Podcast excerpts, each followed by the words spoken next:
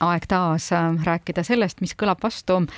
Eesti venekeelsetes väljaannetes Postimehe venekeelsete väljaannete peatoimetaja Sergei Metlev on stuudios, tervist! tervist! Venemaa presidendi niinimetatud valimistest teeme juttu. kuidas need äh, hakkavad siis toimuma Eesti saatkonnas ja Ivangorodis?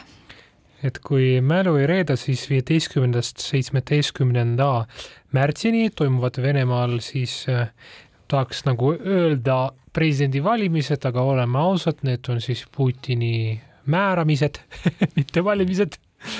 äh,, kus siis Venemaa režiim üritab etendada äh, rahvademokraatiat. et teatavasti Putini režiim on suhteliselt sarnane sellega, mida tegi siis eh, esimene eh, Rooma impeeriumi keiser Augustus, kes säilitas kõiki Rooma Vabariigi institutsioone, aga tegelikkuses juhtis ise kõiki neid. samamoodi ka Putin endiselt, vaatamata sellele, et vabaduste kitsendamine, inimeste represseerimine on Venemaal muutunud noh, igapäevaseks rutiinseks julgeolekuasutuste tegevuseks, mis on laiahaardeline ja karm, vaatamata sellele nad üritavad ikkagi mängida edasi, edasi kasvada mängu oma rahva jaoks, et äh, ärge te arvake, et meil ei ole diktatuuri, meil on ikkagi valimised, teile ei pruugi meeldida äh, Putin, ütleb režiim nendele venemaalastele, kellele ei meeldi Putin, aga vaadake ikkagi, küsimus on ju selles, et enamus rahvast on tema poolt hääletanud. Ja olukorras, kus, kus alternatiivseid kandidaate valimistele ei lubata, kus on täielik meedia allutatus riigile ja nii edasi ja nii edasi, on raske rääkida sellest, et need on valimised. aga üks asi on see, et sisetoode, et, et Putini režiim sisse müüb ennast endiselt kui justkui demokraatlikku, aga väljapoole ka. et see, et Venemaa on äärmiselt tundlik praegu nendele uudistele, kui Euroopa riigid keelavad siis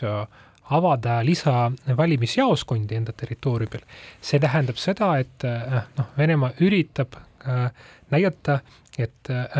vaadake,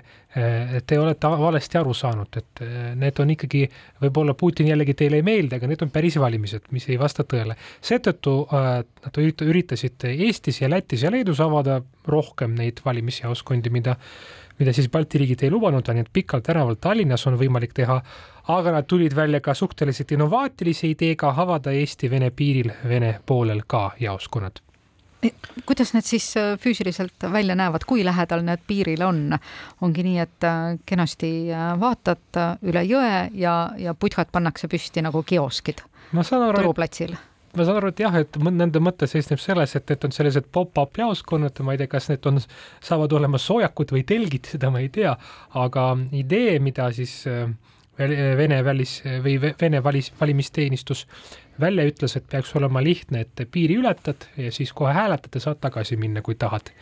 et iga, iga, igas mõttes üritatakse seda protsessi legitimeerida, loomulikult kasutatakse ära võimalust öelda, vaadake, need riigid, mis ei võimalda rohkem jaoskondi avada, need on siis demokraatia vaenulikud. Äh, et siis noh, kõik äh, asjad keeratakse pea peale. Mm, samas äh, peab tunnistama, et ma ikkagi noh, ma vaatan nagu praegu märtsi märtsikuus ja mõtlen, et küll oleks huvitav äh, vaadata ja rääkida nende inimestega, kes äh, rivistuvad kas äh, Narva piiril või Tallinnas Pikal tänaval, et hääletada. et on ju huvitav teada saada, kelle poolt,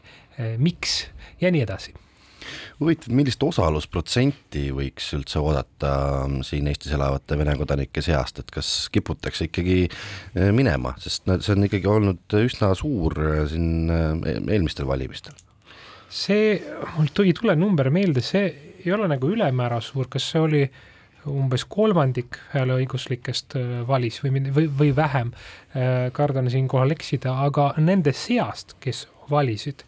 on üheksakümmend pluss protsenti Putini toetajad et see näitab seda, et äh, Eestis elavad Vene kodanikud, kui nad juba lähevad hääletama, siis võib olla suhteliselt kindel, et nad äh, lähevad aktiivselt avaldama, avaldama toetust äh, siis Vene režiimile ja järelikult ka selle poliitikale ja tegevusele ka näiteks sõjas Ukrainaga et siin tulebki nagu sihuke tähetund nendel inimestel, kes tahavad sinna Pikale tänavale ilmuda ja ennast näidata. et samal ajal muidugi on arusaadav, et meil on käed selles mõttes lühikesed, et Vene saatkonna territooriumil toimuvat ei tohi nagu keelata kuidagi jah, ja täpselt samamoodi Pikal tänaval, kui sealt mööda kõndida, siis Eesti politsei noh, peab valvama rahu ja korda ja ta ongi seal tööl ja rakkes peaaegu kakskümmend neli tundi ööpäevas. kogu aeg seisab seal üks auto, kusjuures ma tean, et kohalikud siis äh, Putini vastased, impeeriumi vastased venelased plaanivad ka korraldada valimispäeval mm, meeleavalduse seal Pikal tänaval, ehk siis tegelikult on oht, et põrkuvad siis äh, need, kes lähevad valima ja toetavad Putinit ning Putini vastased venelased, et nad te, te on tõenäosused, et selline asi toimub, on ka täitsa olemas. Äh, pluss muidugi see, et noh, üldine kontekst on nendel valimistel, et kuna need viiakse läbi ka ja siis okupeeritud Ukraina aladel, mida siis Venemaa on äh, omavoliliselt äh, siis enda külge haakinud ja nimetanud siis neid uuteks territooriumiteks et see fakt, et seal toimuvad need valimised juba tähendavad, et äh, lääne kontekstis, lääne väärtuste kontekstis, rahvusvahelise õiguse mõttes terve see üritus tegelikult on absoluutselt õigustühine. siin kerkib märtsikuus, kui kuulutatakse välja, et Putin on jälle seitsmeks aastaks president, et kas me nimetame teda endiselt presidendiks või on õige hakata nimetama teda diktaatoriks, nagu nimetatakse rahvusvahelises pressis Valgevene president Lukašenkat kes äh, teatavasti ei ole äh, tunnustatud kui riigipea. sellest äkki piisab, kui öelda, et ta on terroristliku riigi juht? Võib ka niimoodi öelda, aga minu, minu jaoks on küll probleem äh, pärast see märtsi valimisi öelda president, sest äh, see tähendab seda, et tal peab olema äh, äh korrektne legitimatsioon, mis äh, sellistes tingimustes ei saa tekkida. aga samas öelda saab ju ikka, et noh Venemaa riigi liider ta ju ilmselgelt äh, ju on, ta ju juhib seda riiki, noh. ja ei saa siin muidugi äh, üle ega ümber sellest tõdemusest, et kõik märgid viitavad, et, et enamus Vene kodanikke, kes Venemaal elavad, toetavad president Putinit ühel või teisel kujul. Äh, vaatame, milline saab olema see valimisosalus, sest praegu on näha, et režiim on kasutamas sadu miljoneid eurosid, suured reklaam- ja propagandakampaaniad on üleval tulevad absoluutselt igalt poolt, nii pesumasinast kui ka aknast sisse, et inimesed tuleks hääletama. ja ka need, kes on siis ülalpeetavad riigieelarvest, näiteks ka pensionärid, äh, sotsiaal äh, siis äh, ametnikud, kõik peavad hääletama. Nad ei vaata nagu sedelisse sisse, aga kohale peab ilmuma, sest režiim kardab, et kui kõik on Putini poolt, aga kohal on käinud kolmkümmend viis protsenti inimesi, siis see on tegelikult purumine see näitab, et ollakse vastu ja, või siis teine variant on see, et ollakse niivõrd juba tuimaks löödud ja niivõrd õnnetud, et võib-olla isegi ei ole režiimi vastu, aga lihtsalt ei viitsi. see tegelikult ka on äh, sentiment, mis Venemaal pigem tõstab pead. no meil on hästi põgusalt aega jäänud, aga Vilniuses toimus Vaba Venemaa Foorum. mis see oli, mis seal räägiti, mida otsustati? Vada, Vaba Venemaa Foorum on selline äh, iga-aastane rahvusvaheline üritus, äh, kuhu siis tulevad kokku äh, Vene opositsionäärid, nii suvalised kui ka karvalised, et igasugused inimesed, kes, kellel on erinev taust, aga neid ühendab see, et nad tahavad demokraatlikku Venemaad ja kõik on nad äh, Putini vastased. Äh, ja siis seal äh, muuhulgas arutati seda, et